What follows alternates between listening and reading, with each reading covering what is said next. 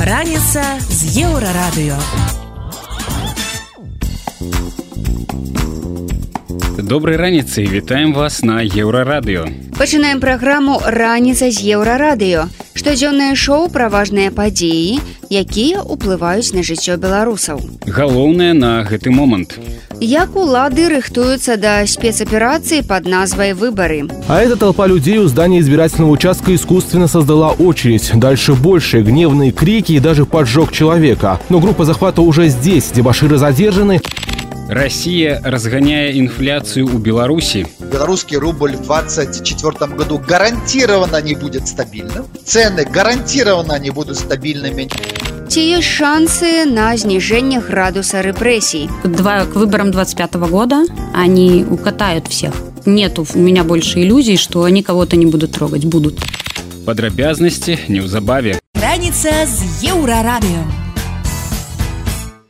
Сёння ў Беларусі пачынаюцца выбары. Гэта так званае дэтэрміновае галасаванне, якое ўвялі для спрошчанага маніпулявання галасамі выбаршчыкаў. Да гэтай электаральнай кампаніі, якія называюць лукашэнкаўцы рыхтавацца пачалі загадзя. Перавялі міліцыю на ўзмоцнены рэжым нясення службы, прыцягнулі крэпкіх бРсэмаўцаў, добраахвотнікаў, дружыннікаў і ветэранаў міліцыі. А напярэдадні да тэрміновага галасавання правялі маштабныя вучэнні. У прысутнасці міністра ўнутраных спраў і Наталі Качанавай сілавікі паказалі спектакль пра тое, якім можа быць адзіны дзень галасавання. Вось кавалак сюжэта дзяржаўнага тэлебачання. Не нарушайте процесс голосования. Это один из эпизодов «Тактика специального занятия МВД». По сценарию избиратель, придя на участок для голосования, фотографирует бюллетень. Это нарушение закона. На замечание председателя избирательной комиссии не реагирует. Нарушителя пришлось задержать сотрудникам милиции. Минский гарнизон отрабатывает водные, которые могут произойти в реальной жизни.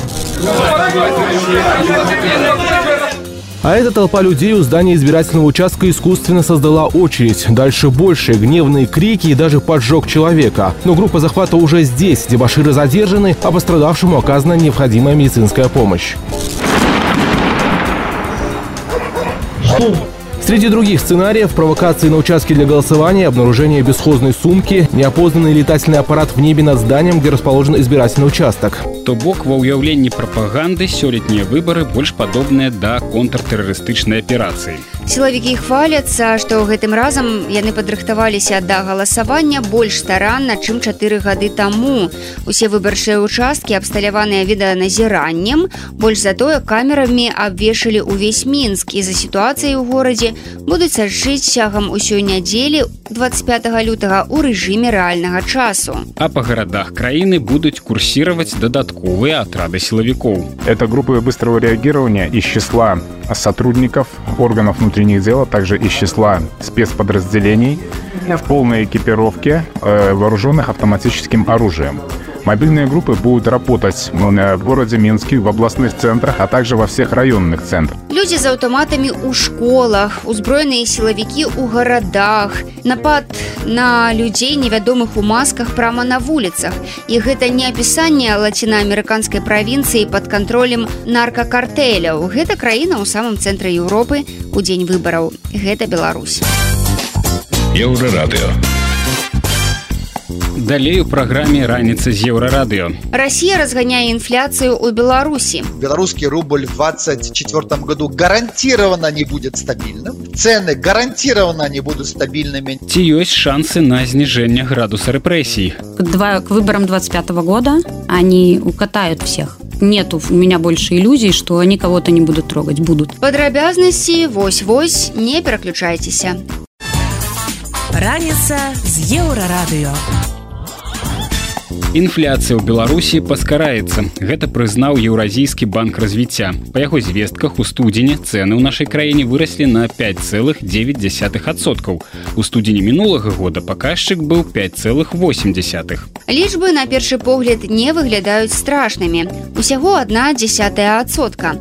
Але для эканомікі гэта небяспечны сігнал. У банку развіцця назвалі прычыну гэтай з'явы. Вінаватай тут апынулася Расія. На рост цэну Беларусі ўплываюць высокі ўнутраны попыт і інфляцыя ў так званай саюзнай дзяржаве. Паводле меркавання экспертаў ціск рассіі на беларускую эканоміку будзе працягвацца. Пра тое, што чакае айчынную фінансавую сістэму і што будзе з цэнамі ў 24 годзе ў праекце абычнае утра паразважаў эканаміст Ярослав Романчук. что риски инфляции и девальвации в 2024 году существенно выше, то есть белорусский рубль в 2024 году гарантированно не будет стабильным, цены гарантированно не будут стабильными, они будут гораздо выше, я думаю, инфляция, чем в 2023 обозначенном году. Опять подчеркиваю еще раз, нам, э, если мы не верим режиму ни в политических цифрах, ни в экспортных цифрах, ни в финансовых цифрах, нам нам нет оснований верить в тех параметрах, на которые мы ссылаемся. Вось толькі што рабіць беларусам, каб захаваць сваю фінансавую стабільнасць, эксперты не кажуць. Магчыма, варта вярнуцца да каранёў, займець свой кавалачак зямлі з маленькім гародзікам і рабіць запасы садавіны ды гародніны. Еўрарадыё. Далей у праграме раніца з еўрарадыё. Ці ёсць шансы на зніжэнне градуса рэпрэсій? Два, к выборам 25 года они укатают всех. Нету у меня больше иллюзий, что они кого-то не будут трогать. Будут. Працягнем неўзабаве. Раніца з еўрарадыё. Пакуль камісія па вяртанні спрабуе заманіць беларускіх уцекачоў назад у Беларусь, тысячы людзей працягваюць бегчы з краіны ад палітычнага пераследу. А пасля нядаўняй студзеньскай аблавы сілавікоў на сем'і палітвязняў гэтая колькасць толькі павялічылася. Адной з такіх уцякачак стала блогерка Вольга Такарчук. Яе затрымалі яшчэ 19 траўня 21 года і паўтары гады яна правяла ў турме. Пасля вызвалення працяглы час заставалася ў Беларусі і з'язджаць не збіралася, але ў выніку і ёй давялося раптоўна змяніць сваё рашэнне. Цяпер Вольга Такарчук на волі ў бяспецы. Яна завітала ў студыю еўрарадыё да нашага рэдактара Змітра Лукашука, каб расказаць пра затрыманне умовы ў сеза і калоніі, а таксама пра тое, як гэта быць медыйнай персонай за кратамі. Хоць здавалася вот яшчэ такія у параўнанні сённяшнімі траваядныя часы, то яшчэ там травень 21 года. Але ўсё одно калі э, глядзець ладно не будем браць блогераў кабанова і пятрухіна якіх затрымалі ў двадцатым годзе яшчэ да пачатку выбараў. Такое было адчуванне что іх яшчэ за ты брэскія іх э, справы как бы нарэшце ўзялі.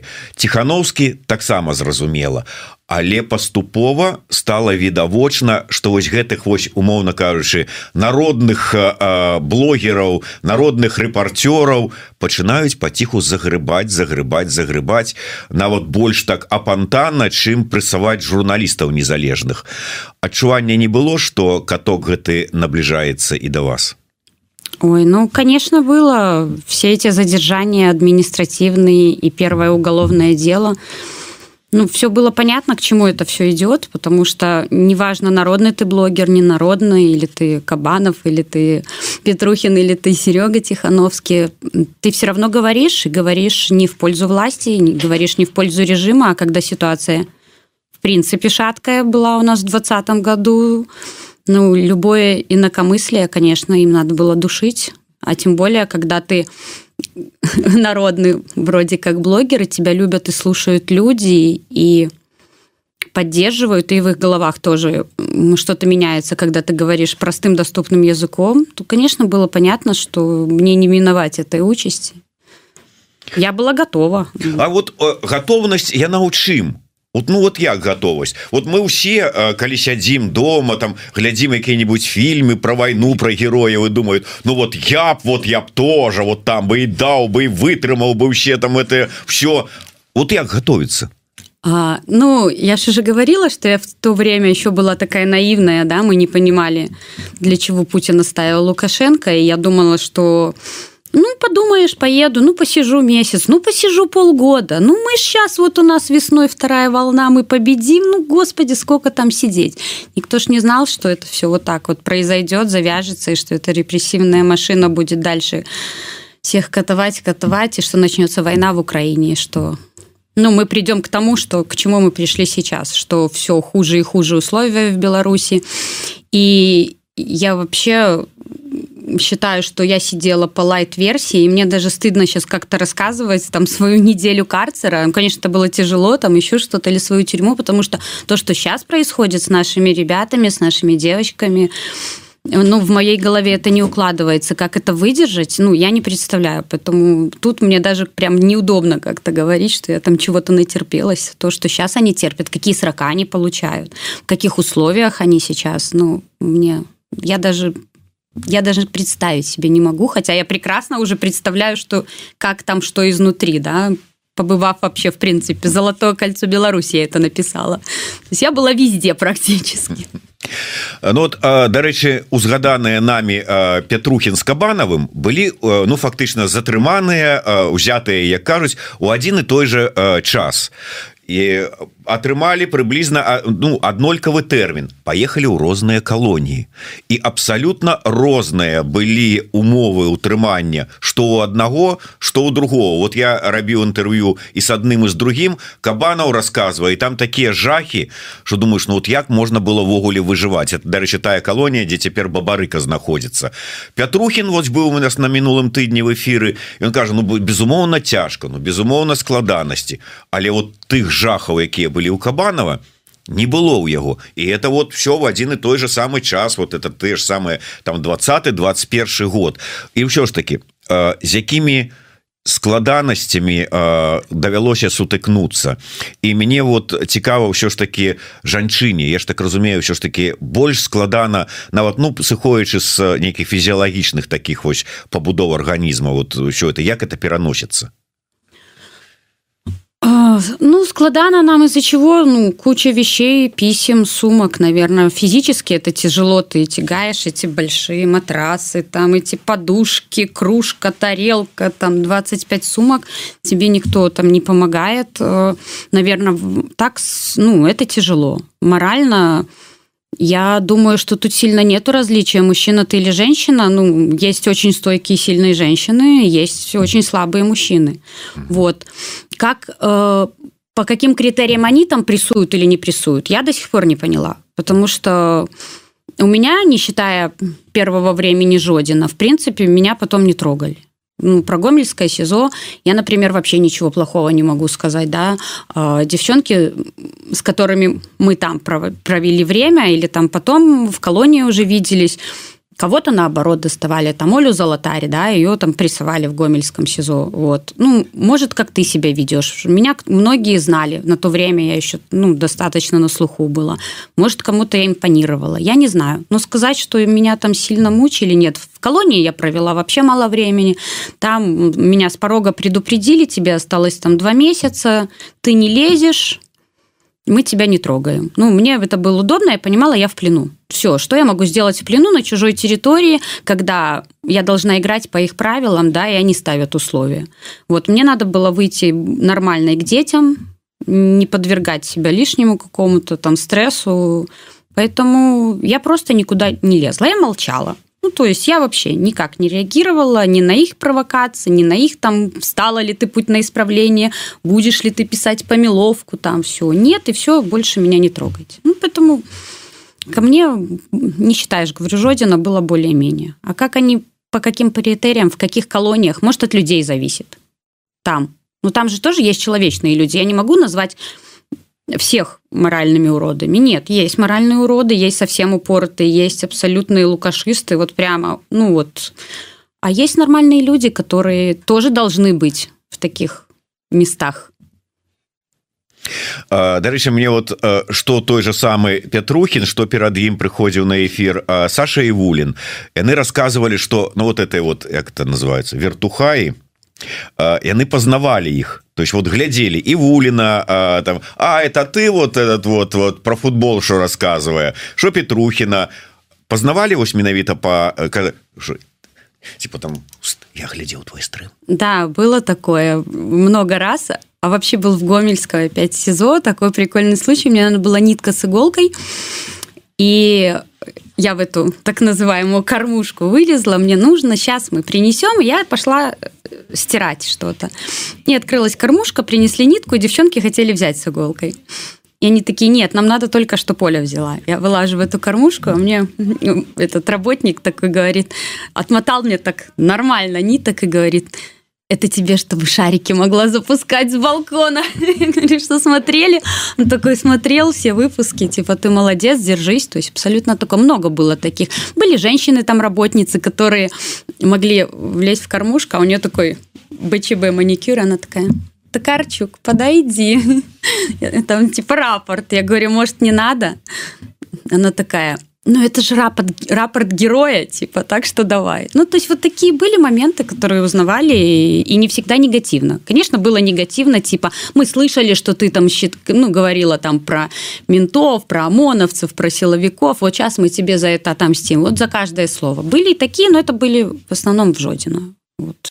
Былая палідзняволеная блогерка Вольга Такарчук працягвае свой аповед пра тое, як выглядае медыцына ў беларускіх турмах і ці варта заставацца былым палітвязням у Беларусі пасля вызвалення. Там завозится партия лекарств, например, там сегодня это ножпа, да, и вот они пока не закончатся, от всего у них одна панацея ножпа. Потом завезли там цитрамон, они от всего дают цитрамон. Потом завезли еще что-то, ну, если у тебя уже совсем, ну, просто там ты лежишь, умираешь с температурой 40, там кашляешь, выплевываешь, они, конечно, ну, дадут какое-то лекарство. Может, сейчас что-то поменялось в лучшую сторону, я не знаю.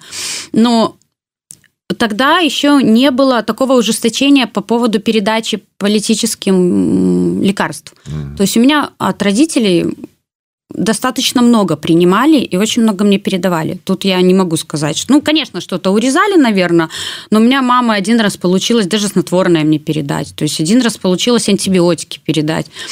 Поэтому сейчас, может быть, там медицина лучше, но сейчас же урезали лекарства нашим, да, то есть ты еще попробуй что-то им передай не каждый возьмет и не каждый передаст. Поэтому, что касается психологической помощи, она там отсутствует вообще напрочь. Это опять-таки мой пример, когда меня поставили на учет по суициду. Как вы можете поставить человека на учет по суициду и членовредительству, не поговорив с ним вообще, ну, как не позывать психолога, что тот не поговорил и не дал свое заключение. Человек склонен к суициду, да, или это какая-то вот разовая в связи, ну, плохое письмо, ну, кто-то там, может, умер, еще что-то, да. Это же не значит, что человек, ну, понятно, ты на это реагируешь остро, но это не значит, что ты пойдешь себе там, не знаю, вешаться на пакете и э, резать вены. Вот, ну, зачем? Никто ко мне не... То есть оперативный работник просто решил, что, ну, вот письмо у нее нехорошее, ну, дайте-ка мы ее поставим. Ну, тоже своего рода такой я думаю прессинг. Дыш калі мы зараз вот днямі пачыталі навіну даведаліся про тое что у латыпова цынга і потом 21 стагоддзе. Якая цынга про что вы люди? То есть атрымліваецца для вот лукашэнкаўскіх тюрум калоній Ну это нормальная з'ява. То есть как бы ніхто не парыцца до якога стану там чалавек можа дайсці Ну, это про то, что я говорю, что их просто не открыто убивают, а убивают медленно. Потому что если человек находится в, в сыром помещении четыре с половиной моих шага, да, и находится не неделю, как я, а находится месяцами, когда нету солнечного света, не передают витамины никакие, скудное питание, тебе не, не передают какие-то передачи с воли, где есть овощи, фрукты, еще что-то, да, ты не можешь купить там что-то, хотя бы сок какой-то, ну, абсолютно ничего, на чем должен держаться организм. Если организм ест только хлеб, там каша, вот эти углеводы, там только холодная вода, там даже горячей в карцере нету, там вечно сыро, ты этим все время дышишь, солнечного света нету, ты не получаешь ни так никакого, ни витамина, ни D, ни С, ни вообще никаких. Ну, какой должен быть организм, чтобы он спустя месяцы карцера, ну, остался в том же состоянии, в каком он был до карцера. Понятно, там будет лететь все у людей. Я поэтому я говорю, я с ужасом, просто с ужасом представляю, что с ребятами, о которых мы вот, например, год не знаем, да, что с ними. При этом, ладно, физическое состояние, а моральное состояние. Сколько ты можешь разговаривать сам с собой? Ты не получаешь писем, твои, ну, ты там, в принципе, в карцере не можешь писать себе там, ну, мне, по крайней мере, мне давали бумагу, только если мне что-то надо было адвокату написать, и то это мне надо было ее там просто выдирать зубами, чтобы мне дали бумагу и ручку. У тебя нету книг, у тебя нету общения. Все твое общение – это кормушка э, смотрящие, кто смотрит за этим, да, и проверки с собаками зашли, ты рапорт сдал. Все, и сколько ты в себе можешь. Ты не получаешь новостей, ты не встречаешься с адвокатом, ты ничего, ты просто 24 на 7 месяцами сам в себе. Вот, ну, какая психика выдержит? Ну, дай бог, они все выйдут. А какие они выйдут? Разве можно потом какими-то психологами или какими-то лекарствами восстановить нормальную психику и здоровье? Поэтому это просто медленное убийство. Это режим просто в очередной раз вот так тихо убивает. А по итогу, а что, взятки гладкие. А что мы делали? Сидели и сидели. Да на жаль сапраўды так яно і выглядае. Зараз дарэчы я хацеў бы звярнуць увагу што зараз па ініцыятыве беларускай грамадскасці звярнуліся да лідараў усіх краін да палітыкаў каб яны ўсё ж таки паднялі тэму вот палітых беларускіх палітвязняў про якіх ужо вялікі час няма ніякіх звестак. Того ж самага мікалая статкевича найперш які ўжо больш за год ніякіх звестак няма. Будем спадзявацца ўсё ж таки что гэты міжнародны ці ціск нейкім чынам прымусіць хоць нейкую інфармацыю сказаць про того ж самого Миколая статкевича іншых палітвя я даже знаю ответ мы забеспокоены мы выражаем свою глубокую обеспокоенность к сожалению это так и сколько они будут свою обеспокоенность ну пока кто-то не умрет ну не знаю ну да на жаль так а, давай может быть яшчэ на одну тэму ўжо далей вот вышло Ўжо ж стала зразумела до таго часу а гэта ўжо там пачатак 23 года наколькі я разумею уже стала зразумела что ты хто выходзіць яны ўсё адно спакоі не пакідаюць. І все одно не было такого жадання імкнення ўсё ж таки разумеючы гэта сабраць і ад грэха падалі з'ехаць.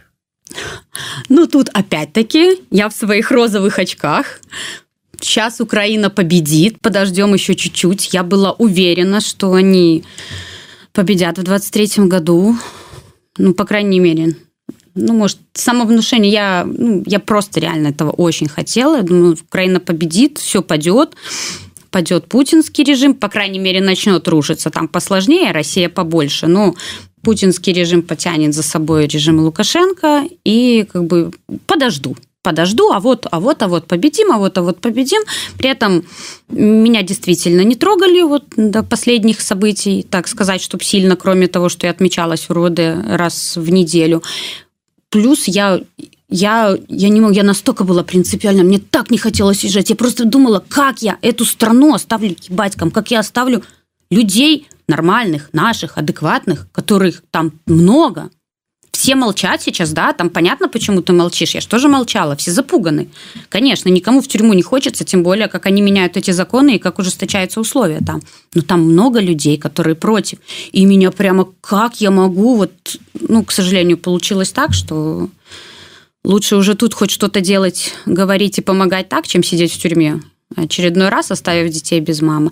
Ну, до последнего, я же говорю, я держалась до последнего, пока уже не поняла, что к, два, к выборам 25 года они укатают всех. Нету у меня больше иллюзий, что они кого-то не будут трогать, будут. И не будут смотреть, подросток ты, пенсионер ты, тебе 80 лет, больной ты, онкология у тебя нет, у тебя руки, ноги, на костылях ты или в инвалидном. Всех, всех, кто где-то когда-то проявлял какое-то инакомыслие, всех укатают. Все, это однозначно. Гэта былі рэдактор еўрарадыё зміцер лукашук і блогерка ольга такарчук яны пагаварылі пра турэмны досвед ольгі і паразважалі пра тое што чакае ўсіх нязгодных з рэжымам у беларусі еўрарадыё Далей у праграме раніцы з еўрарадыё. Камісія па вяртанні беларусаў на радзіму адсправаздачылася пра вынікі за мінулы год. В целом это все пропагандистская акция, и не более того. И она не рассчитана на, на то, чтобы люди реально возвращались. Чэргі на пратэзаванне каленных суставаў складаюць десятки тысяч человек. Если эта ситуация длится много месяцев или несколько лет, допустим, то сама по себе уже операция будет более сложной, для хирурга. Пра гэта больш падрабязна бліжэйшым часам. Раніца з еўрарадыё. Камісія па вяртанні здолела выманіць з-за мяжы толькі каля 10 беларусаў. Увогуле за больш чым год працы яна разгледзела толькі 37 заяваў са 150 пададзеных. Пра гэта расказаў генпракурор швед. Нягледзячы на такія невыразныя паказчыкі дзейнасць камісіі працягнулі яшчэ на год. Вось толькі наўрад ці колькасць зваротаў вырасце. Практыка паказвае, што нават станоўчае рашэнне камісіі не гарантуе свабоды. Дастаткова ўспомніць гісторыю берасцейца, які пасля звароту ў камісію і вяртання быў асуджаны на год калоніі. Мэтай стварэння гэтай камісіі і не было вяртання суайчыннікаў. Такую думку у эфіры еўрарадыё выказала паліталагіня Роза Турарбекова. Понятно, очевидно, почему не возвращаются, ясное дело. Вот. И м, в целом это все пропагандистская акция, и не более того. Вот. И она не рассчитана на, на то, чтобы люди реально возвращались. Это понятно, это естественно. Когда-то в свое время она играла роль в качестве аргумента в попытке возобновить диалог с Европейским Союзом. Я думаю, что так. В посольствах там писались отчеты, и в этих отчетах отмечалось, что вот создана такая комиссия по возвращению и так далее. Вот, это должно было якобы сыграть ну, какую-то там положительную да, роль в улучшении имиджа. Змяніць сітуацыю Беларусі магла б абсалютная амністыя без папярэдніх умоў і для тых, хто ў турмах і для тых, хто з'ехаў. Вось толькі гэты сцэнарый страшны сон для лукашэнкі. Еўрарадыё. Далей у праграме раніца з еўрарадыё. Чэргі на пратэзаванне каленных суставаў складаюць десяткі тысяч чалавек. Если эта ситуация длится много месяцев или несколько лет, допустим, то сама по себе уже операция будет более сложной для хирурга. Падрабязнасці неўзабаве. Раніца з еўрарадыё. Больш за 14 тысяч чалавек у Беларусі чакаюць сваёй чаргі на замену каленнага сустава і яшчэ каля 12 тысяч тазасцігнавога. Такія лічбы прывёў новы міністр аховы здароўя Александр Хаджаев. Прычым, паводле яго слоў чэргі скараціліся на каленныя імпланты нібыта на 10соткаў, а на тазасцігнавыя на 17. Чаго не сказаў міністр, дык гэта таго, чаму чэргі рэзка выраслі. Нагадаем, Гэта адбылося пасля масавых затрыманняў артапедаў вясной 22 года, калі сферы зацікавіўся Лукашенко. Ён паабяцаў навесці жорсткі парадак і ўсіх забяспечыць пратэзамі за самы кароткі тэрмін. Але хутка высветлілася, што інтарэсы там былі іншыя. Беларускі расследавальніцкі цэнтр заявіў, што справа артапедаў і забарона на ўстаноўку імпартных пратэзаў у дзяржаўных бальніцах апынулася вельмі выгаднымі клініцы мерсі, звязанай з сям'ёй старэйшага сына лукашэнкі Віктора. У выніку гэтых бізнес-разборак, набліжаных да рэжыму, пакутаюць толькі дактары і пацыенты. Ім даводзіцца чакаць аперацыю некалькі гадоў, а гэта сапраўднае катаванне.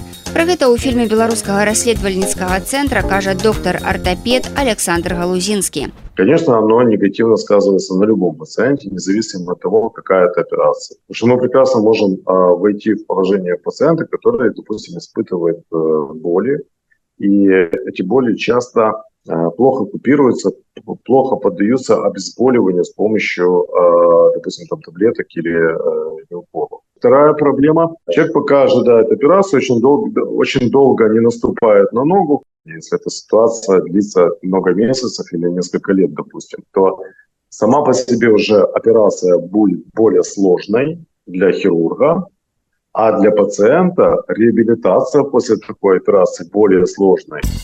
Але нават аперацыя цяпер наўрад ці стане палёгкай для хворых. Міністр Хаджаяў прагаварыўся, што пастаўкамі пратэзаў на дадзены момант займаецца кампанія, звязаная з кітайскім вытворцам. То бок быццам якасныя беларускія пратэзы, якія абяцаў людзям Лукашенко, заменяць на невядомыя кітайскія. Раніца з еўрарадыё. Вяртаемся на еўрарадыё і працягваем ранішні эфір. Вы па-ранейшаму слухаеце раніцу з еўрарадыё. Інфармацыйнае шоу пра важныя падзеі, якімі жывуць беларусы і іншы свет. І вось што цікавага мы распавядзем далей. Тры розныя гаагі. Адвакат Новікаў дапамагае разабрацца ў міжнародным правасуддзі. Положение Лукашенко в этом смысле, оно такое своеобразное. Да? С одной стороны, все понимают, что он мог бы вести себя еще хуже. С другой стороны, он сейчас настолько плотно привязан к Путину, и настолько очевидно, что он разделит судьбу Путина, что он не может пережить падение Путина, если такое случится. Что, в общем, многие вещи оказались, с одной стороны, замороженными, а с другой стороны, нам же никто не запрещает их обсуждать. Сербія і Словакія дапамагаюць рэжыму перагарнуць старонку. Попытки найти там э, посредников, найти дорогу в Берлин или там в Брюссель, они будут э, осуществляться. Министру иностранных дел Беларуси надо это делать, потому что, я так понимаю, там периодически э, э накручивание идет. Ну, как Лукашенко про, про образование, про вузы сказал, да? Вот надо сохранить, но в то же время надо, чтобы были лояльны. И вот как это все совместить? Што хочуць зрабіць са студэнтамі і як Лукашенко выкарыстоўвае ВНУ. Его задача режима – это всех, я говорю, обезумить отключить мозги, отключить ум. И любая трансляция знания да, э, составляет вот эту альтернативу.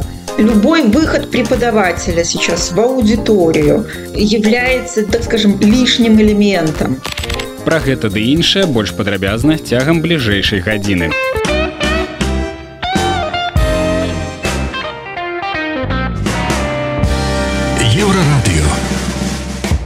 Раніца з еўрарадыё. На фоне апошніх падзеяў неяк падзабылася гісторыя з ордэрам на арыш лукашэнкі. Так пакуль што і не выпісаным міжнародным крымінальным судом у гаазе.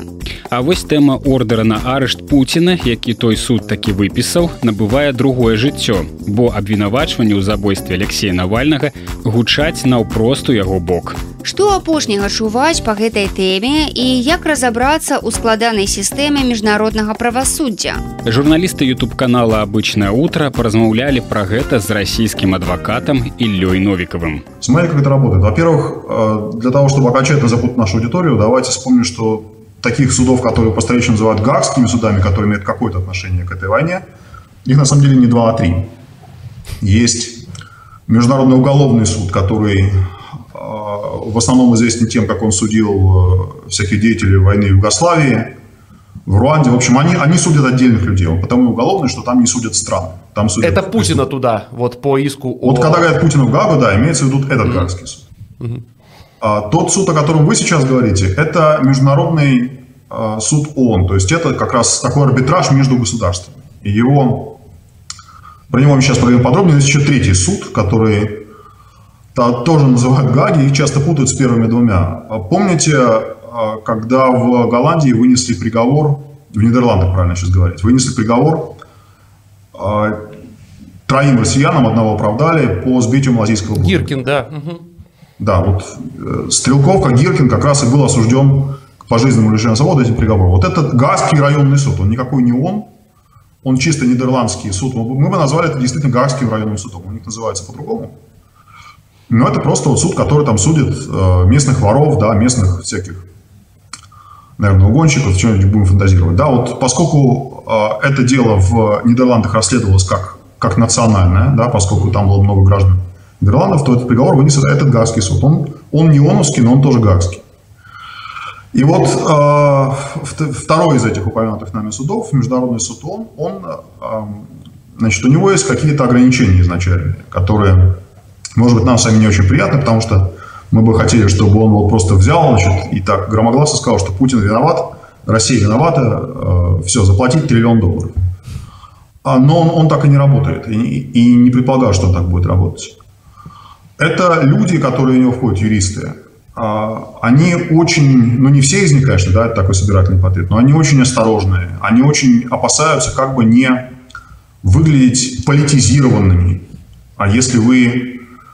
Да, понятно, что это, вопрос о, о том, об ответственности России за войну в Украине и за то, что предшествовало 22 году, там же сюжет 22 года как таковой не рассматривался.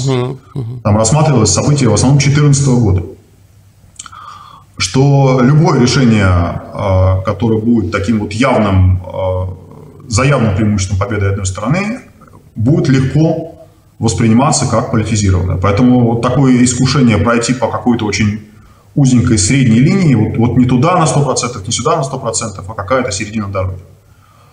Оно, э, ну, оно есть, очевидно, да, для многих из них, из этих людей оно оказалось, ну, мне так представляется, по крайней мере, оно оказалось непреодолимым. То, что э, мы с вами смотрим на эту ситуацию с 2024 года, и мы уже знаем, что, например, э, то, что Россия долгое время называла «их там нет», то есть отрицала присутствие кадровых российских войск, организованных. Это были какие-то то ли отпускники, то ли отставники, в общем, непонятно кто. Какие-то люди, ну, они, они вроде россияне, но они там не представляют Россию, они там как бы по своей инициативе. На самом деле, вот сейчас, с 2024 года, с учетом всего, что мы знаем, что не рассматривал этот суд, вполне очевидно, что там воевали кадровые российские военные в составе кадровых подразделений э, именно против украинской армии. Это, сейчас это понятно, да, но в том иске, который изначально туда зашел, про финансирование терроризма, про... А там еще была вторая часть про дискриминацию по расово-национальному признаку. Украинцев. Вот, вот, угу. э, не, укра... не, не только украинцев, да, там шла еще отдельно про.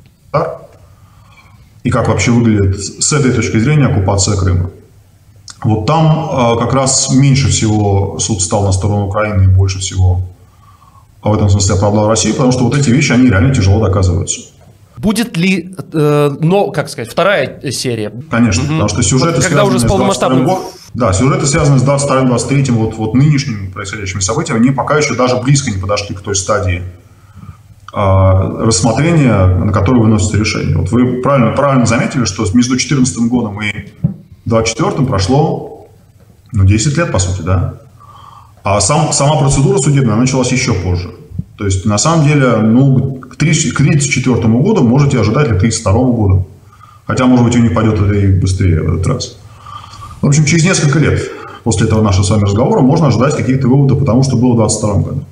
Я хотел сказать, почему это ценно для Украины, почему это не такой вот. а, абсолютно выстрел в воздух.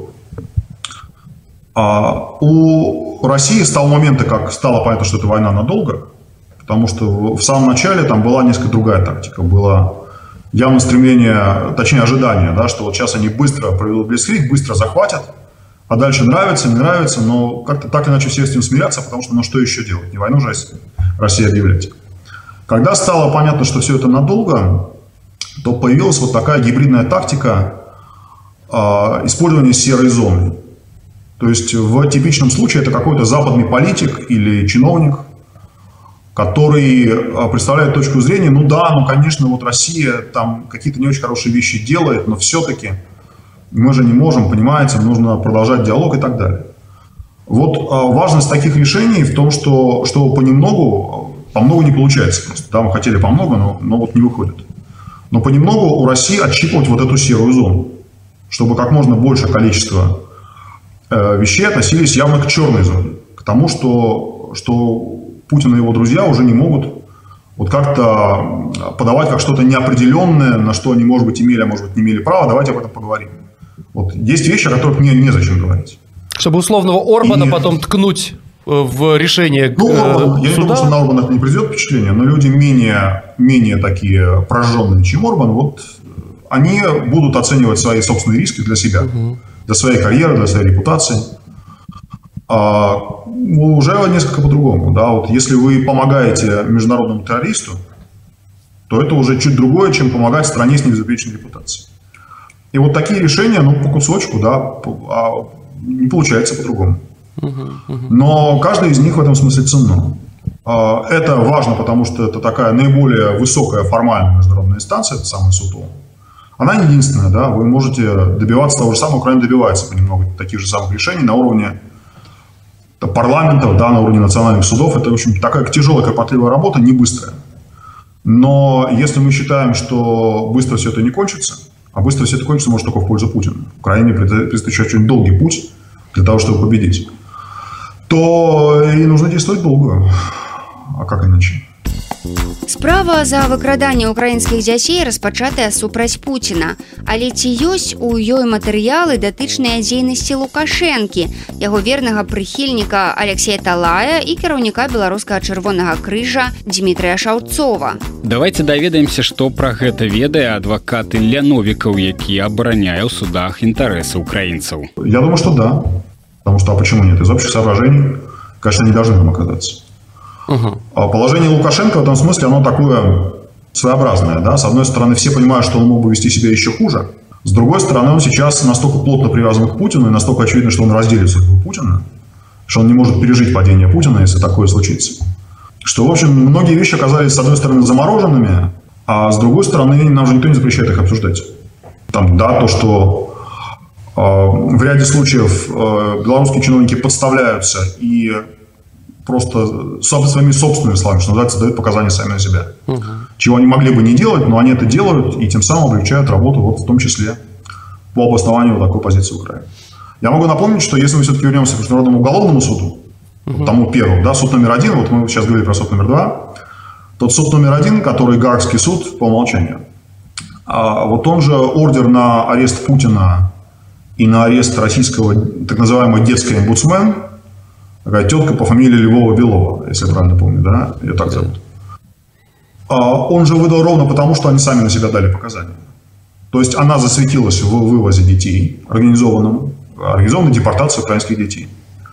А Путин засветился в том, что он с ней это обсуждал и публично выразил ей не только поддержку свою, да, но авторизовал ее действия. Вот если бы этого интервью и вот этих их а, публичных выходов не было, то на самом деле далеко не факт, что такой ордер появился. Поэтому сейчас Путину реально осложняет жизнь. Они могут сколько угодно смеяться над этим, говорить, что ну, никто Путина не арестует. Но Путин уже не может себе позволить ездить в те страны, насчет которых он не на 100% уверен, что там его не арестуют. А таких стран, на самом деле, немного. Илья, вот я прошу прощения, что э, вторгаюсь, но давайте попробуем спроецировать на Беларусь. В Беларуси, вы, вы сами об этом сказали, и мы это знаем прекрасно, медицинский факт уже неоднократно и чиновники, и какие-то э, там пригосударственные, скажем так, волонтеры прямым текстом заявляют, да, мы вот привозим э, э, в Беларусь детей. Правда, ну, вот, там, пожалуйста, смотрите, концерты с этими да, детьми. Вот поезд, вот они у нас есть. Вот они у нас есть. То есть они говорят, вот эти дети, да. Лукашенко не отнекивается тоже. Он как бы так в своем стиле, он как бы и не то чтобы там, но и принял какую-то нейтральную сторону в этом вопросе. Тем не менее, э, э, вот почему Международный уголовный суд в Гааге, э, в котором у нас в эфире бывает Павел Латушка, это антикризисное управление белорусское, они уже собрали большую папку, вместе с украинцами, вместе вот с Гончаренко, с тем же Нардепом, собрали огромную папку доказательств фактов причастности Лукашенко непосредственно и белорусских чиновников к депортации детей из Украины. Депортация это нельзя назвать, э, к вывозу детей из Украины. Ну, можно, можно. Слово депортация, оно имеет такое значение тоже. Хорошо, тогда пусть так. И вот эта папка огромная есть. Э, Латушка не может взять и принести ее в Международный уголовный суд в Гаге. Это должен, должна сделать или страна какая-то подать иск, да, или... Но вот мы пока не видим никаких подвижек, мы не слышим, чтобы в Международном уголовном суде хотя бы говорили, э, произносили фамилию Лукашенко э, и употребляли слово «Беларусь». Почему этого не происходит? Что для этого нужно сделать? И кто ну, это? Вы, вы и о том, что ордер на арест Путина э, готовится, не слышали до тех пор, пока не, его не, не выдали, что называется, да, пока он не стал официальной реальностью. Вообще, этот самый уголовный, международный уголовный суд, он такая достаточно закрытая организация. И вы, ну, вы, вы не можете, это не парламент, да, это не, не какая-то открытая площадка, вы не можете ожидать, что там будет, будет прозрачно идти все эти процессы.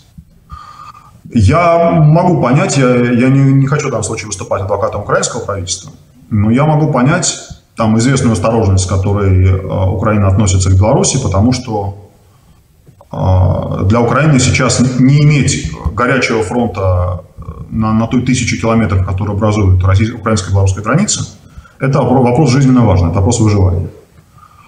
Потому что там, э, там эта граница ну, практически не оборудована. Да, да мы, мы, мы все знаем, мы не забыли то, что через Беларусь заходили войска, которые двигались на Киев и на Чернобыль. А, мы все это помним. Но вопрос не в э, справедливости исторической или юридической, или вопрос в реал-политик вот сегодняшнего момента.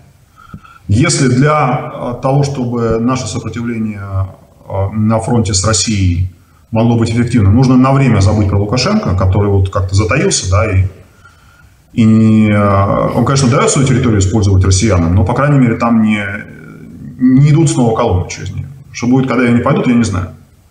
Но в моменте, ну, такая осторожность, да, она, в общем, в общем понятна.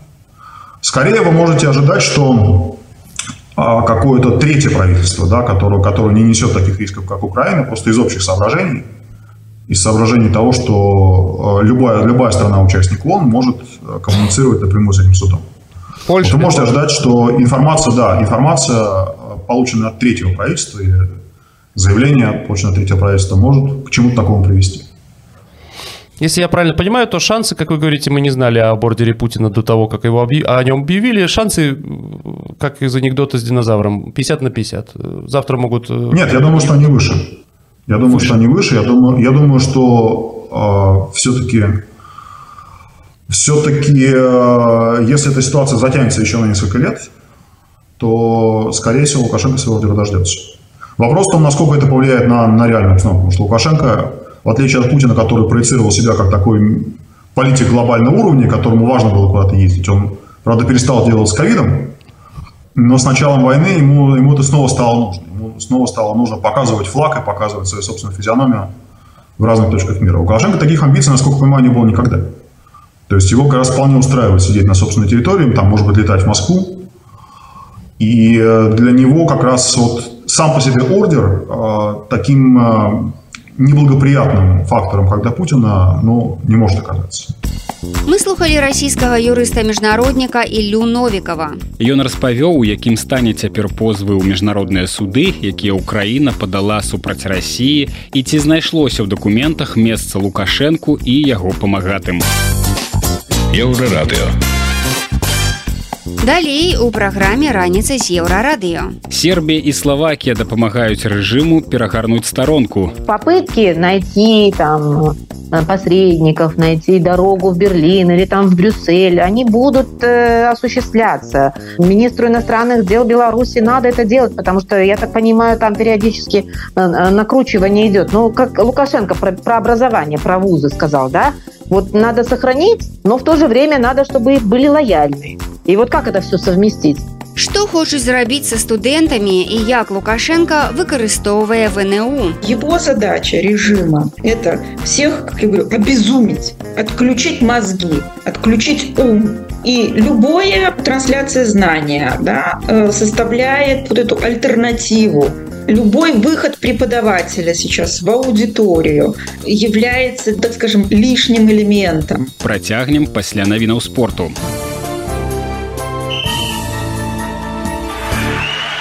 На еўрарадыё навіны спорту. Сборная Беларусі па пляжным футболе ўпершыню выйшла ў плэй-офф чэмпіянату свету. У сваім другім матчы ў аб'яднаных арабскіх эміратах беларусы абыгралі японцаў віцэ-чэмпіёнаў свету 3-1. Беларусь прадэманстравала яшчэ адно вартае захапленне выступленні, піша сайт FIFA. У першым матчы была перамога над сінегалам 6-4. Вікторія Азаранка выйграла першы паядынак на турніры ў Дубаі. Саперніцай беларускі была ранча рус з Нідерландаў. Азаранка перамагла 6264 у адной 16 у аўторак яна сустрэнецца з аленай рыбакінай з Казахстана чацвёртай ракеткай свету. У беларускага форварда Іллі шкурына ўжо 10 галоў у футбольным чэмпіянаце Польшчы. Яго трапны удар прынёс перамогу сталі ў гасцявым паядынку з адным з лідараў шлёнскам. Сярод бомбардзіраў першынства шкурын на другім месцы. Беларуская лёгкаатлетка Крысціна Цімановская заняла другое месца ў бегу на 60 метраў у памяшканні на чэмпіянаце Польшчы. У фінальным забегу яна саступіла пераможцы дзве дзясятых секунды. 30гадовы нарвежец Йоханнес Боу стаў 20разовым чэмпіёнам свету па біятлоне чарговыя медалі ён заваяваў на спаборніцтвах у Чэхіі. Бо паўтарыў дасягненне свайго суайчынніка Олі Бьорндаліна, які таксама 20 разоў перамагаў на чэмпіянатах свету. Гэта былі навіны спорту на еўрарадыё, заставайцеся з намі.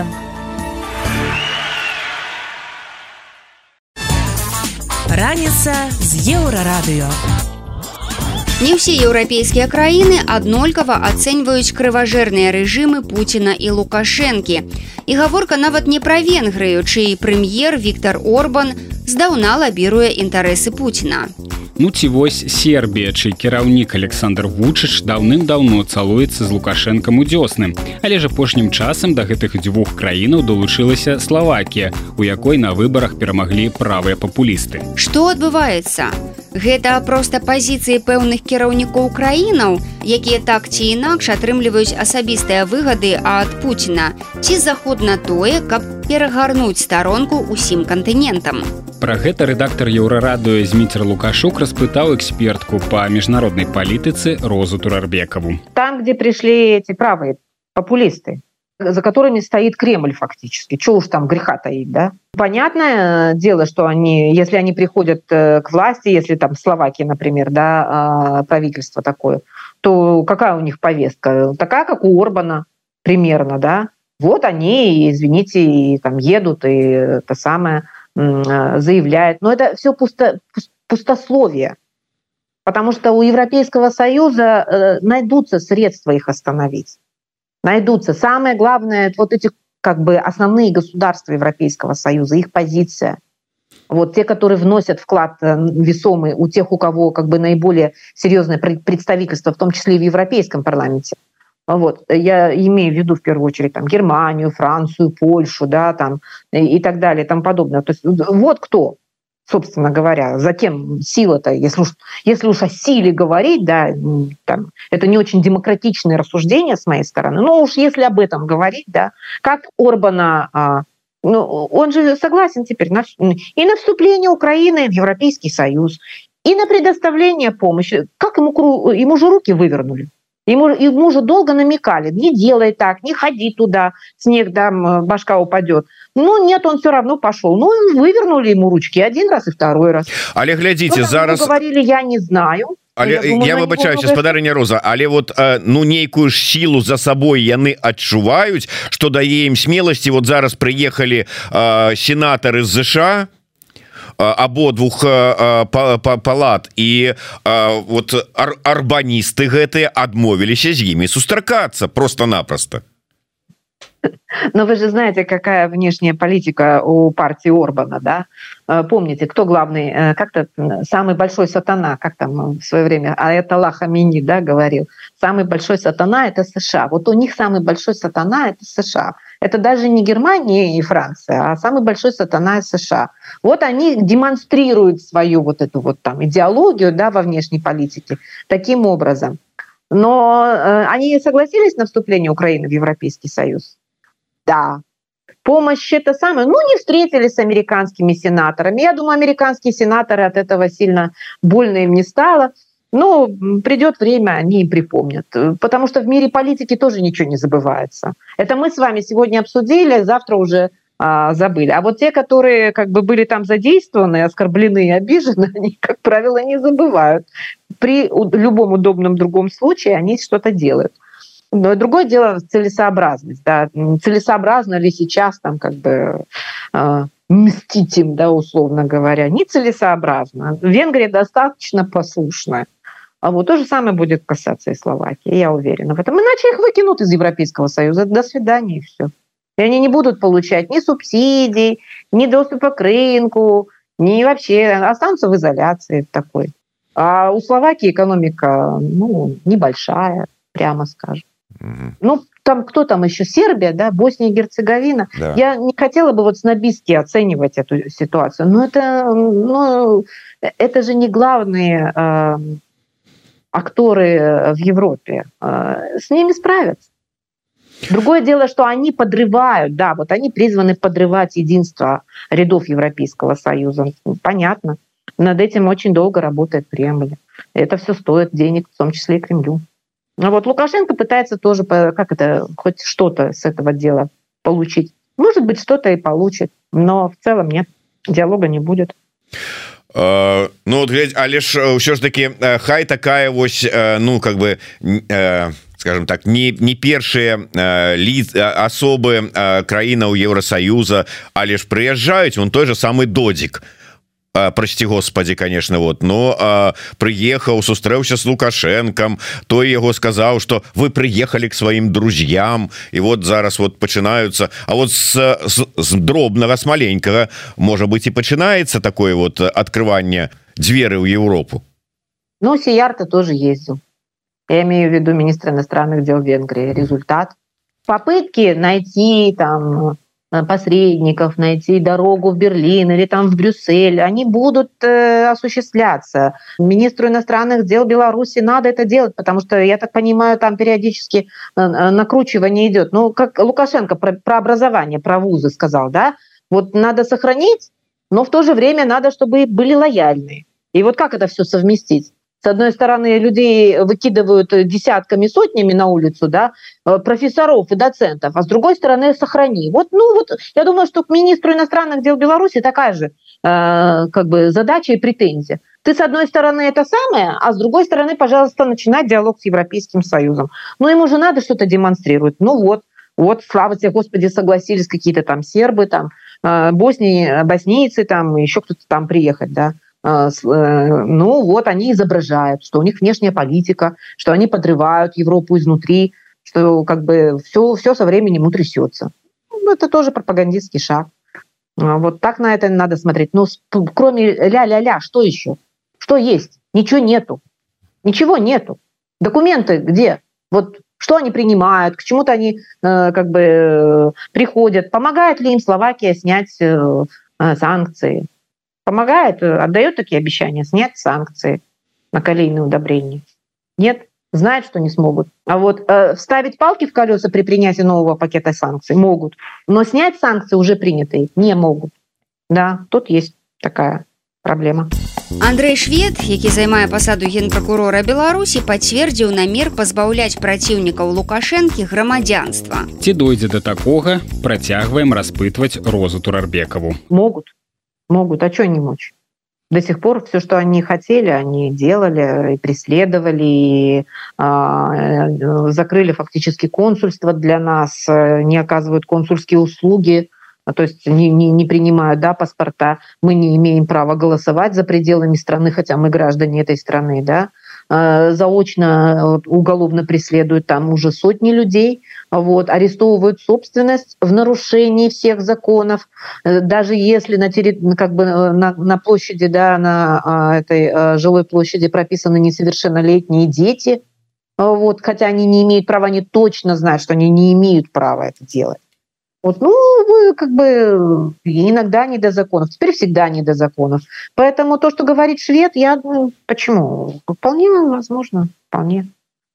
Я думаю, они как бы теперь демонстрируют, и к 2025 году им же нужно, они же креативят, да, им же надо что-то еще предложить в качестве подарка на стол президенту. Вот еще один подарок. Дарэчы выйшлі на фінішную прамую падрыхтаваўшыся ўжо да усе беларускага ну вот сухоечы там со слова у качанавай то по ходу до да буфетаў выбарчых участкаў да дня адзінага галасавання. Чаго чакаеце все ж таки у гэтыя дні? Ну все гэтыя кубраковы і усе астатнія яны рыхтуюцца невядома да чаго там прапрацоўваюць як будуць супрадзейнічаць подпалам людзей на выбарчых участках там яшчэ нейкім тэрактам все такое. Вы чакаеце что на нейкім участку у якіх-нибудь я не ведаю лельчыцах з-за нейкага конфликта пачнецца грамадзянская война войну почему бы и нет? То есть как бы ну срежиссируют они же это вот этим только и занимаются изобретают угрозы и режиссируют их спектакли нам устраивают да вот может и такое быть а может и не будет такого и отчитаются что они предотвратили профилактику провели, блестяще провели выборы, ура, победа, наконец у нас там демократические, всенародно избранные, что-то там, палата представителей, вот, и местные а, советы. Может быть и так, а может и изобразить где-нибудь что-нибудь там, образцово-показательную операцию по ликвидации каких-нибудь экстремистов, террористов, вот, которые там задумали недоброе против народа Беларуси на избирательном участке. Вот. Э, опасная, конечно, история со всеми этими ну, накручиванием, нагнетанием, истерия фактически, да. В общем и целом военная операция под названием «Выборы 2024» проводится. Ну что ж, дзякую вялікі спадарыня Роза. До сустрэчы. Жыве Беларусь. Еўрарадыё. Далей у праграме раніца з еўрарадыё. Што хочуць зрабіць са студэнтамі і як Лукашенко выкарыстоўвае ВНУ. Его задача режима – это всех, как я говорю, обезумить, отключить мозги, отключить ум. И любая трансляция знания да, э, составляет вот эту альтернативу любой выход преподавателя сейчас в аудиторию является, так скажем, лишним элементом. Працягнем пасля навінаў шоу-бізу. Шоу-біз.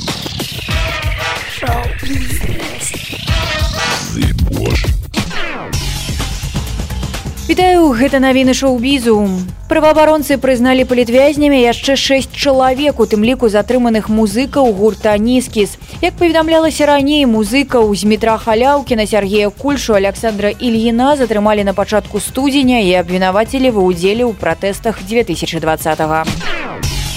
Беларус Дмітрый Саўян не змог выйграць адбор на еўрабачанне ад Польшчы. Нягледзячы на станоўчыя водгукі слухачоў і крытыкаў вынікі закрытага конкурсу аказаліся не на яго карысць. Польшчу на міжнародным песенным конкурсе прадставіць спявачка Луна. 38гадовы Саўян хацеў паўдзельнічаць у еўрабачанні з песняй в калёрку Амаретта. Беларус выступае як акцёр і комік, вядзе свой папулярны тикток, у якім вядомы як пан Саўян. З такім псеўданімам ён і удзельнічаў у Польше польскім нацыянальным адборы. Выйшаў зборнік беларускай электроннай музыкі з калыханкай, коласам, гукамі мінскай падземкі і балота ельня. Яго анансавалі тэхна з голасам Марыі калеснікавай. Гэта рэліз рупар складзены з 13 асабістых гісторый з Беларусі. У альбоме беларускія электронныя прадюсеры даследуюць нацыянальны культурны код, пішуць аўтары альбома. У стварэнні бралі ўдзел гурты шума і крыві, Ганна Жданова ды іншыя артысты, якія хаваюць імёны пад псеўданімамі праз пагрозу пагрозу бяспецы. Збор трэкаў ужо даступны на ўсіх пляцоўках, а даходы ад продажу пойдуць у фонд пайсол. Гэта былі навіны шоу-бізу, заставайцеся на хвалях еўрарадыё. Раніца з еўрарадыё. Рэформы, за якія ўзяліся чыноўнікі ад адукацыі, пагражаюць знішчыць усё тое, чым ганарылася беларуская школа. Сёлета улады зацята ўзяліся за нармалізацыю вышэйшай адукацыі. Ды як не ўзяцца, калі абітурыенты выбіраюць замежныя універсітэты, а выпускнікі масава пакідаюць свае месцы працы адразу як скончыцца размеркаванне. Але з аргументаў ва ўладаў толькі абмежаванні ды рэпрэсіі. Чаго Лукашенко Лукашенко хоча ад сістэмы адукацыі. На гэтую тэму разважае кандыдатка педагагічных навук Святлана Мацкевич. Лукашенко хочет от системы образования уже было понятно давно. Да? Он хочет, он всегда использовал систему высшего образования, белорусского образования в своих политических э, целях. Да? А высшее учебное заведение для Лукашенко это были всегда места э, для проведения избирательной кампании.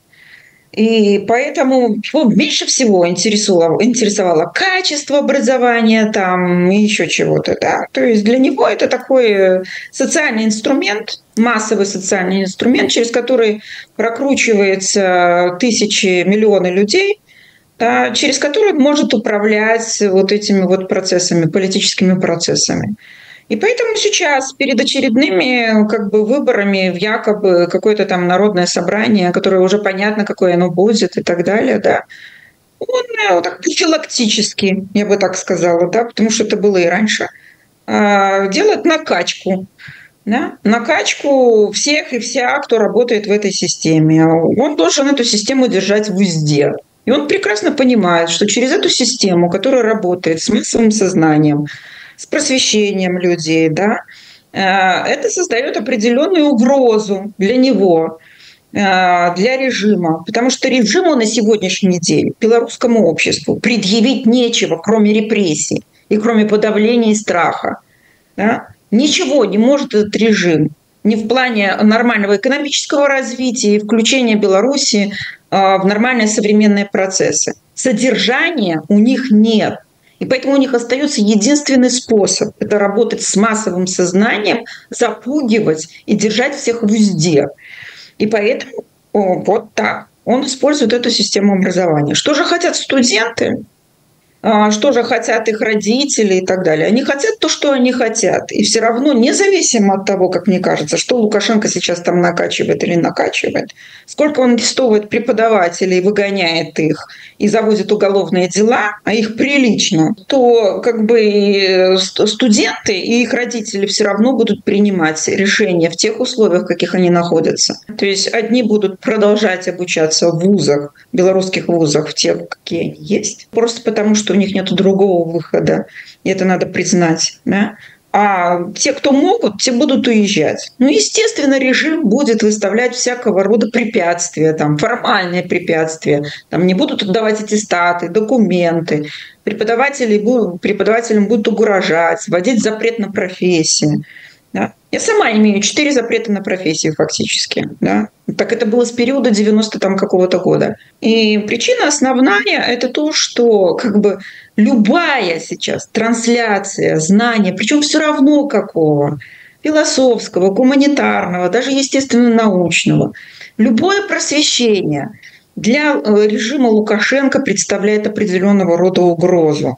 Да? Потому что его задача режима – это всех, как я говорю, обезумить, отключить мозги, отключить ум. И любая трансляция знания да, э, составляет вот эту альтернативу любой выход преподавателя сейчас в аудиторию, и даже все равно, что он при этом говорит, является для него, ну так скажем, лишним элементом, который мешает мешает обезумевать, обезумевать страну, да, исключать мышление.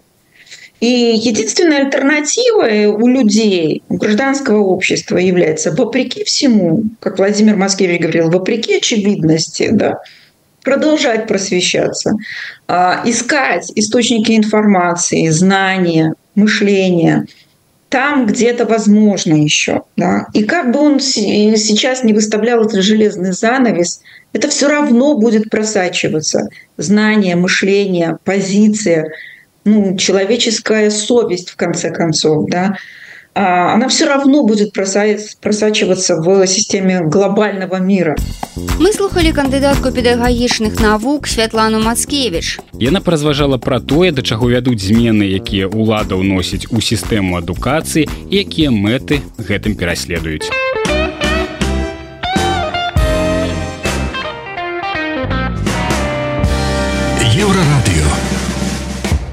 Гэта былі самыя важныя навіны і сэнсы раніцы з еўрарадыё. Заўтра ранкам мы зноў распавядзем вам пра галоўнае, што адбываецца ў краіне і свеце. Сустракаемся ў той жа час у тым жа месцы. Беражыце сябе. Пачуемся.